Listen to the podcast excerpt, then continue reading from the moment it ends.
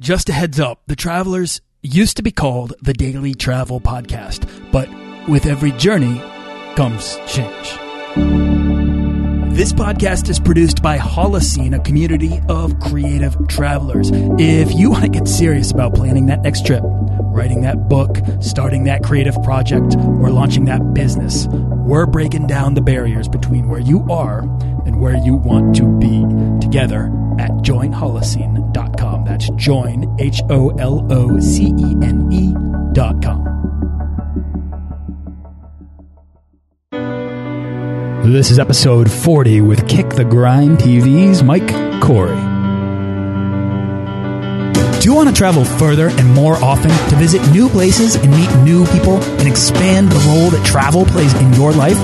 I'm your guide, Nathaniel Boyle, an explorer that wants to help you get out, see the world, and find meaningful, life changing experiences.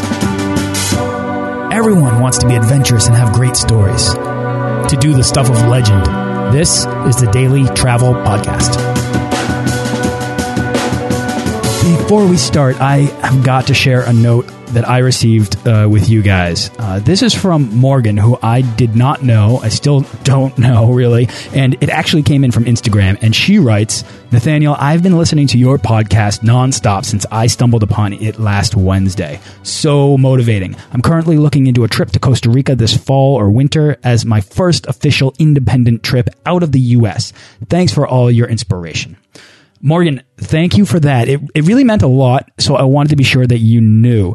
Uh, what you said is why I'm doing this show. I've been out there and traveled alone and independently, and I know it can be hard to get started and then continue to be as challenging, both physically and emotionally, as it can be invigorating and life changing to be out there on the road by yourself. Uh, I want to encourage you to keep going and I want to hear all about your adventures in Costa Rica. So feel free to reach out anytime uh, and happy wandering. If you like the show and want to be featured on the Daily Travel Podcast, drop a review on iTunes. I would love to hear your questions, stories, or favorite travel tips, and I'll even find a way to get them on the show. Thanks a lot. Okay, today's guest is Mike Corey, uh, a host, travel blogger, videographer, photographer, breakdancer, and enthusiastic world explorer. Uh, he's currently serving the, as the first travel brand ambassador for Skype, which Skype calls Moment Makers, and Mike definitely is that.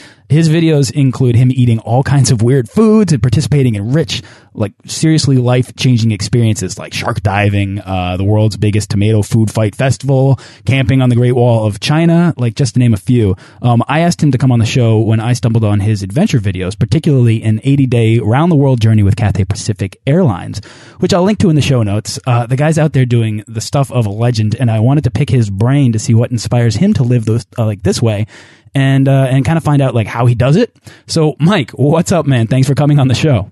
Nathaniel, that was a killer intro. Thank you. nice, awesome. You deserve it, dude. What, uh, where are you hiding out right now? Right now, I am back in the beautiful city of Fredericton, which is actually where I grew up. I uh, had traveled a lot of places since I started doing this video thing, and about a year ago, I was like, you know what, my hometown needs some more credit. It needs some more coverage because really not too many people come out here, and it's it's part of the beauty. So I came back for about a year and uh, film some parks, filmed some festivals, and uh, just putting all that content together now. And uh, lease expires in about a week and a half, and then I'm off again. Awesome. All right. So now, like Skype, I think recently set you like on an adventure, more like an epic scavenger hunt through Europe, right? Like finding clues along the way that resulted in spontaneous oil wrestling, cliff diving, bungee jumping in like a, a three piece suit, scuba diving, like just to name a few things. Mike, like I, I love this. I, I actually didn't didn't even realize you'd done this when I asked you to come on the show, and then I started digging deeper into like what you're up to, and I was like, what? So, tell us about this opportunity, like how, how how you got so lucky, and and what you did.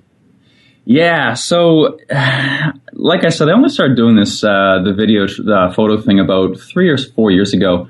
And I think part of the reason I, I feel I've been fast tracked a bit in uh, in where I'm at compared to where I was is because I, I always enter a, a, ton of, of travel competitions like photography and, and videography. So uh, the Skype one was another opportunity like that, and for me, it was such a it was such a surprise actually the whole Skype rerouted Skype uh, ambassador thing because originally it was just a contest that I think they emailed me saying, "Hey, do you want to be part of a, this program called Moment Makers?" And I was like yeah, that sounds kind of cool when I was busy, um, but I had an idea for a photo anyway. And one thing I do whenever I travel is I um, I find like a memento that that is slowly getting phased out is the map. And I I'm so curious about maps. I think that's something that all travelers share in common. I love maps. Yeah, yeah. and so whenever I have a map of a place, like I get at the hotel lobby or whatever, there's always circles and lines and arrows and stuff of uh, you know routes to go and things to find. So I always keep those and put them on my wall. So this nice, beautiful map wall in my room I use for the background of videos uh, and, and, other things. So I had an idea to take a photo of uh, me with my my computer and the desk the the computer was back backlit, the light was off, shot at a wide angle lens, and the idea for me was to be like editing or something on the computer. But I was like, ah, you know, I could I could Skype instead and make that photo that I already had planned for them, and I guess see what happens, right? So I I did that, and uh, they inducted me into this Moment Maker program, and I didn't know that it even ascended this level, but they picked four of those people who applied to become star Moment Makers um, and, and also Skype ambassadors, like for Skype. And so little did I know, I was like in the process of being selected for like the, the travel spokesperson for Skype, which was just unreal, right? Because that's that's a tool I use that we're using right now. It's a tool use, I use every day for business meetings, for interviews, for consulting. Like literally, I, I Skype probably every single day with somebody. So it's a, it's a multi tool for what I do, and I think for most travelers. So it was awesome to be number one, their poster boy, and Number two, to uh, to be able to have other opportunities like this, the Skype rerouted you said, which was um, the, a five country scavenger hunt for two weeks, and that was a complete surprise for me. So I, I, found out that I was selected as a moment maker, like a star moment maker, and my face was on the Skype blog, and they were tweeting my name, and they've got like five million Twitter followers. So I was like, holy crap! Microsoft was tweeting my name too, and I was I was kind of blown away by one little photo that I made would uh, would catapult me this far. And I got an email from um, someone uh, who who handles their marketing, and they're like, "Hey, so what are you doing in like a month?" And I'm like, "Well, I've not much planned. Why? What's up?" And they go, "Okay, all right, don't book anything. We'll get back to you." And basically, what happened is I had about a month's notice or so, but it, the the trip was um, largely kept in secret from me. So I knew it was going to be like a scavenger hunt type thing. I knew I was going to have to solve clues with the help of people online, and that I couldn't use search engines, and I'd have to go to different places. I had no idea where. Uh, with and, and, use Skype to to help um, get me home in time for uh, Thanksgiving in, in the states. I'm Canadian, but uh, so what happened was I the only thing that I knew basically going into this this two week trip was that I had to get my Turkish visa. And so that was something they couldn't obviously keep secret from me. So I knew my first flight. It was from where I am now to Istanbul. And then from there, it was a complete whirlwind of the craziest things I've ever done and uh, some of the coolest things as well. It, one mistake I made, not mistake, one, one thing I did at the very start is on the very first Skype, they're like, so what, what are you comfortable doing? Like, let's say you were going to jump out of a plane. Would that be okay? And I was like, look, guys, I, I spend my life trying to find the freakiest stuff to eat and the coolest things to do. There's no way you can make me uncomfortable. Try your best. Mike, that's why they put you in this position. That's why they picked you because you were like not only open minded but willing to to do this crazy stuff, and they'd seen that. I mean, like kudos to you because you put yourself out there, and Skype noticed and then got in touch, and they said, you know what, this guy is living it, and we're gonna go challenge him by you know throwing him off uh, a cliff in uh, you know in a suit, or we're gonna you know make him go wrestle with this guy covered in oil. Like unbelievable things that I think a lot of travelers would like. That's just such an opportunity, Mike. It, I hope you, you didn't take it for granted.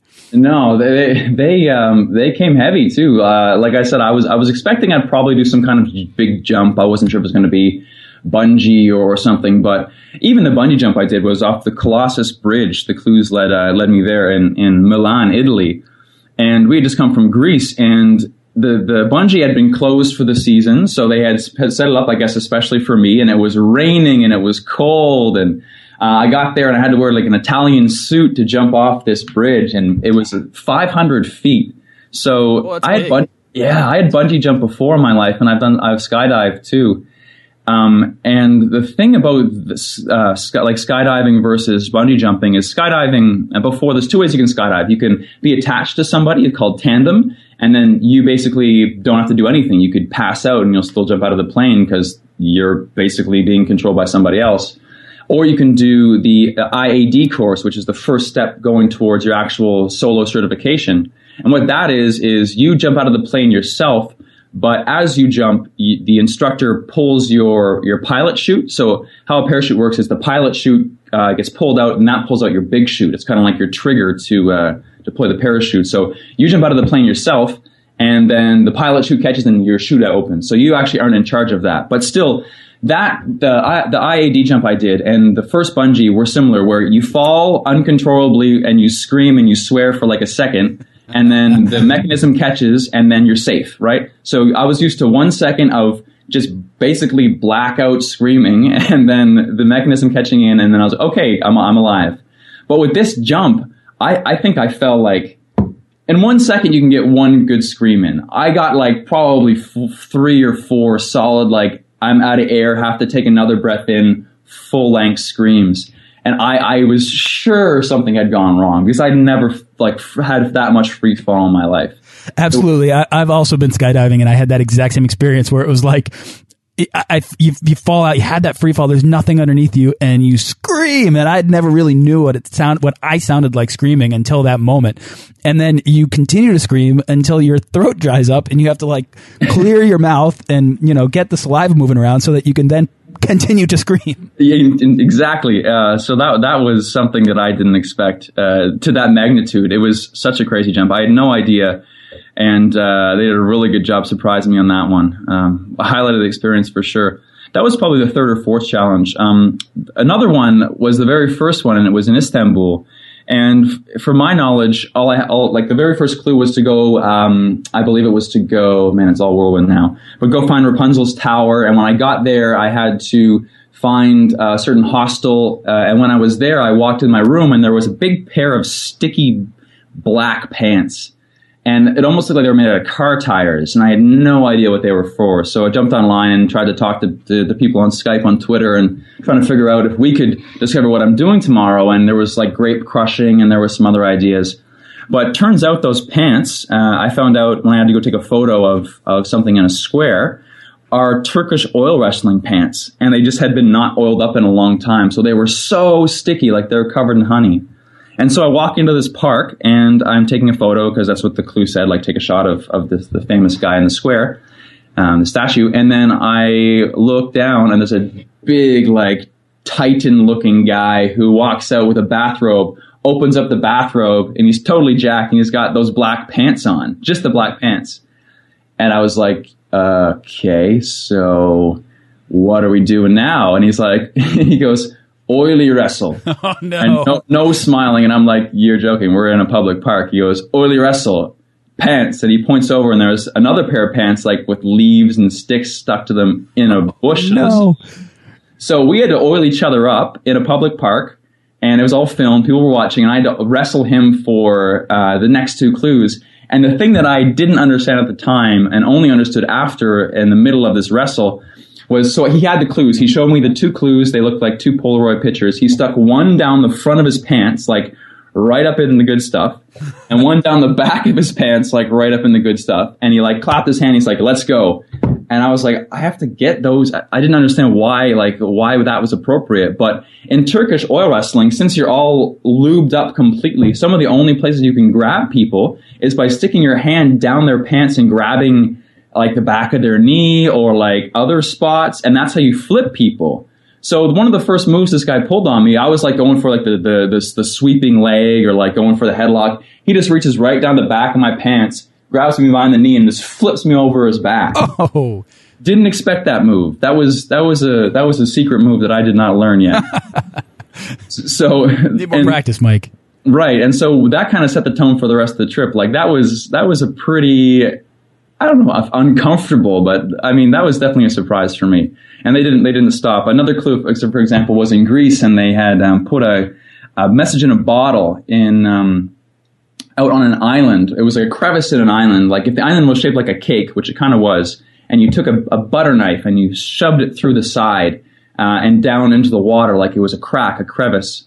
They put a message in a bottle underwater uh, in this crack on the side of the island, and there was a buoy up top with the Skype flag. So I had GPS coordinates that were hidden in a uh, a song, and so I went online and got the help from everybody to decode it, and we figured out it was uh, it was an island in, in the ooh, Aegean Sea, Ionian Sea, forget. but we took a boat out. I went to a dive shop and we found the clue there. So they they were amazing with uh, making it as as incredible as possible. I was really impressed, actually. Wow. Ionian's on the west coast and Aegean's on the east coast. nice. So it was the Ionian then. There you go. Yeah, that's where I took my honeymoon. Unbelievable. All right, Mike. This stuff's like I think the, the audience probably has a pretty good sense of your sense of adventure, and uh, uh, so. But we should step back, and uh, you know, I kind of gave an overview of who you are and what you're up to. But can you tell us about yourself and how you got started traveling? Yeah, I was born in a pretty curious family, so I would say traveling um, outside of the borders of, of North America happened a, a, bit later. However, we did a bit uh, as a family. But growing up, we were always out camping in like RVs. I was in scouts for a while. Um, we were always outdoors playing in the woods. So I would say the, the, the travel bug or the curiosity bug, I guess, is more accurate. But right. it started when I was really, really young. And so uh, as I grew up, we did some trips for, uh, as a family. We did like went to the Caribbean, and uh, actually a really cool trip that I think quite inspired me to continue my travels was we went to Iceland as a family, which was uh, kind of like the the big trip of my childhood, which was amazing. There, seeing a place so different from from Canada and North America. And uh, so, uh, anyway, I think my curiosity was cultivated and encouraged so much as a kid that when I graduated high school, um, I mean, I was in love with bugs. I was in love with coral reefs. I wanted to study biology. It just seemed like the logical path for me. And I took biology, and I, while I love biology, I, I, I wasn't a fan of the class, classroom setting, to be honest. Like, I guess I thought biology would be um, a lot more time spent outside in biology, not in a class, classroom. So when I graduated uh, a few years later, I, I guess I, I, I was hung up on the idea that I didn't want to get more and more specific as comes with many things uh, in academics. Like if you take your your master's or your PhD, usually you're getting more and more specific on one topic. And it could be a very interesting topic, but for me, I, I, I couldn't imagine just spending one, one, you know, my life studying one thing. I was too curious. I wanted to, you know, study coral reefs one week and then go to the Amazon rainforest and work with tree frogs the next week. Like I was, I wanted to look at all the, the things I was, uh, I find all the things I was looking at in, in textbooks as kids. I had all these nature books, and I kind of felt like the red-eyed tree frog was a celebrity in the same way that some I'm not good with celebrities. Vin Diesel is a celebrity. I want to go see these people because I felt like they were really famous. Uh, see these animals. So that got me into travel and doing biology research projects. So I lived on a beach in Cuba in Guanacabibes, Guanacabibes, and it was a month on a beach with just you know eating canned spam and rice and uh, patrolling the beaches at night looking for sea turtles uh, who were nesting and counting the eggs and doing measurements. And then went to Indonesia to do two months worth of uh, diving three times a day, helping scientists with biodiversity assessments. And uh, that trip, especially Indonesia, well, both of those, but um, it just made me realize like we don't need very much stuff to be happy. And I was I was having the time of my life with not even running water. Like in Indonesia, we had they're called mandis, but it was how we showered was a concrete hole in the ground that had like mosquito larvae in it, and we had to wake up and douse ourselves with a couple you know scoops of that every morning, and then poop in a hole, and that's just what you did, and it was totally normal. We ate rice three times a day, and everybody was great. Uh, it was it was really amazing to be in a spot where you don't have to worry about what you look like because there's no mirrors. And so I, I just saw what I felt was true, genuine humanity in a place where uh, materialism didn't exist, where you couldn't, I mean, buying something was buying, you know, some candy from a local vendor or maybe like a beer from a local vendor. Like that's what you, what you spent, what little money you had on was just maybe some, some cheap thrill like that. But there was something about clothing or, gadgets. It was just you dive, do your research, have fun, be yourself, and uh, sing around a campfire. It was that kind of stuff. So when I saw that life, I, I just felt like that's what it should be like. And so I have been trying to keep my life um, like that as much as I can and, and, and keep those values close to my heart and, and help people see that there's a world that's very different once you uh, leave your front door and put yourself in a bit of an uncomfortable position. A lot of growth happens there. Yeah, absolutely. I mean, I think it's so cool. You you integrated travel into your studies as a way to kind of constantly experience new things and and reawaken that kind of that childlike sense of of wonder and imagination that you know that really sparked your curiosity at a really young age. And it's not uncommon, I think, for a lot of people that are traveling and not just traveling regularly, but making travel like a part of their lives rather than just a luxury or something that they do for a week a year. Um, it, the thing that a lot of those people have in common is this like addiction to new things and this this drive to constantly feed a curiosity that's never satiated. Mm-hmm. There's a quote from someone who says uh, something along the lines of, "You should be whatever you are when you want to be when you're six. And when I was six, I just I was the most curious kid uh, ever. I was I was always like collecting ants and, uh, and tadpoles and stuff. So I guess that kind of clicked at some point later in my life when I was 26 or 23 or something.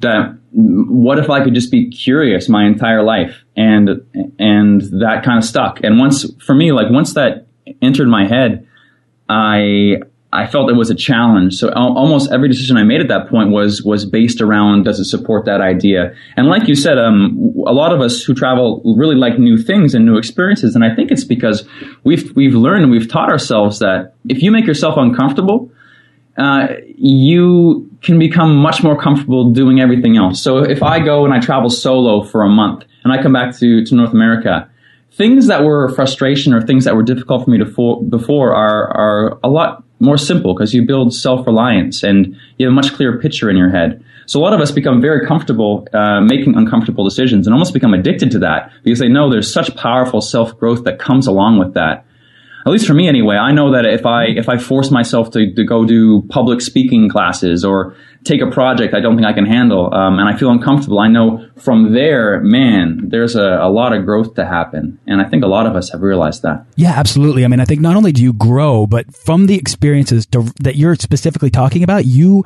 take home these stories. Like the most amazing stories happen to us unexpectedly.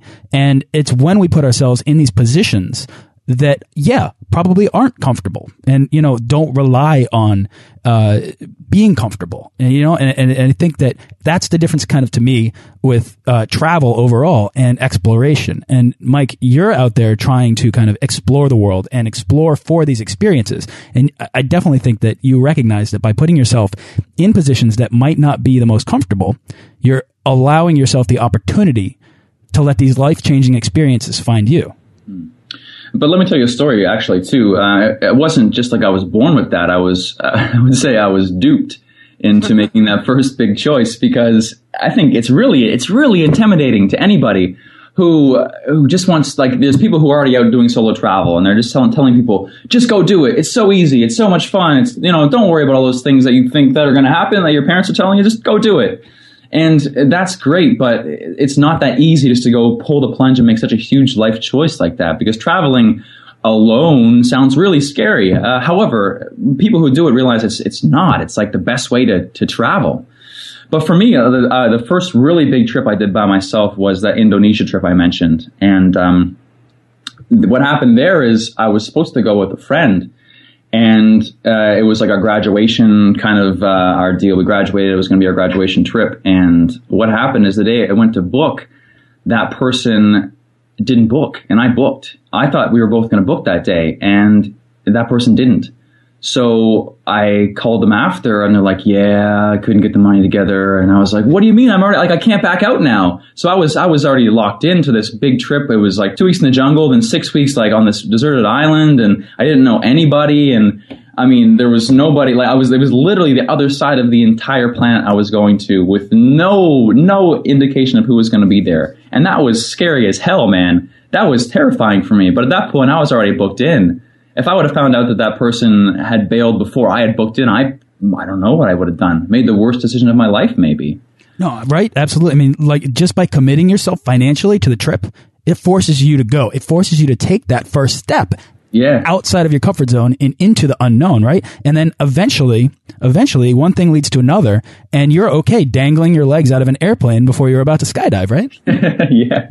It, that, that, but honestly, that's exactly, that's exactly it uh, if you follow the trail, it's just decisions like that that are, a bit scary uh, over and over, and then the scary things become not scary at all, and then become fun. And uh, it's funny. There's there's all these little quotes that I, that I heard growing up. I'm sure everybody hears, and they don't think anything of it. One is um, one of them is the only thing to fear is fear itself, and I always I didn't understand that until like about three years ago and I started talk. I started actually watching, and I talked to people who um, watching skydive documentaries, but also talking to skydivers, and being for some reason amazed and surprised that they still got scared when they jumped out of planes, or that that, that was scary for them. I guess I always assume that people who do those crazy stunts don't get scared. They're just like scare proof, fear proof. Uh, but the truth is, they do get scared, but they just they're cool with it. Like they acknowledge the fear and they just let it pass through, and they continue through with their events. And that changed my life. I think discovering that, discovering that people who do the scariest shit on the planet are just as scared, but they're like, yeah, I know I'm scared, but I know I'll be fine. And once you understand that, yeah, then you understand the only thing to fear is fear itself. And being afraid that you're afraid, I think, is half of what makes being scary things scary.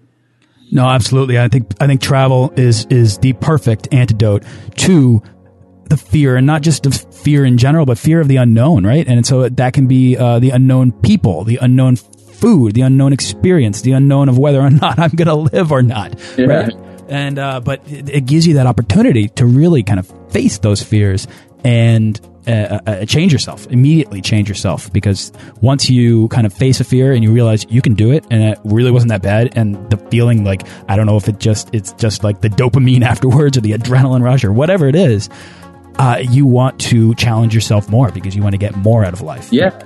And you open yourself right up. And uh, the cool thing about life is that the more you open yourself up the more life opens itself up to you so if you're always open to new new things even things that are a little bit scary uh, that that can lead to some really cool opportunities. And that's honestly, I think if there was one thing, uh, well, two things maybe that led me to being able to do what I do now professionally. And number one would be curiosity, but number two was just just uh, a, a, disregard for how my, what my head was telling me.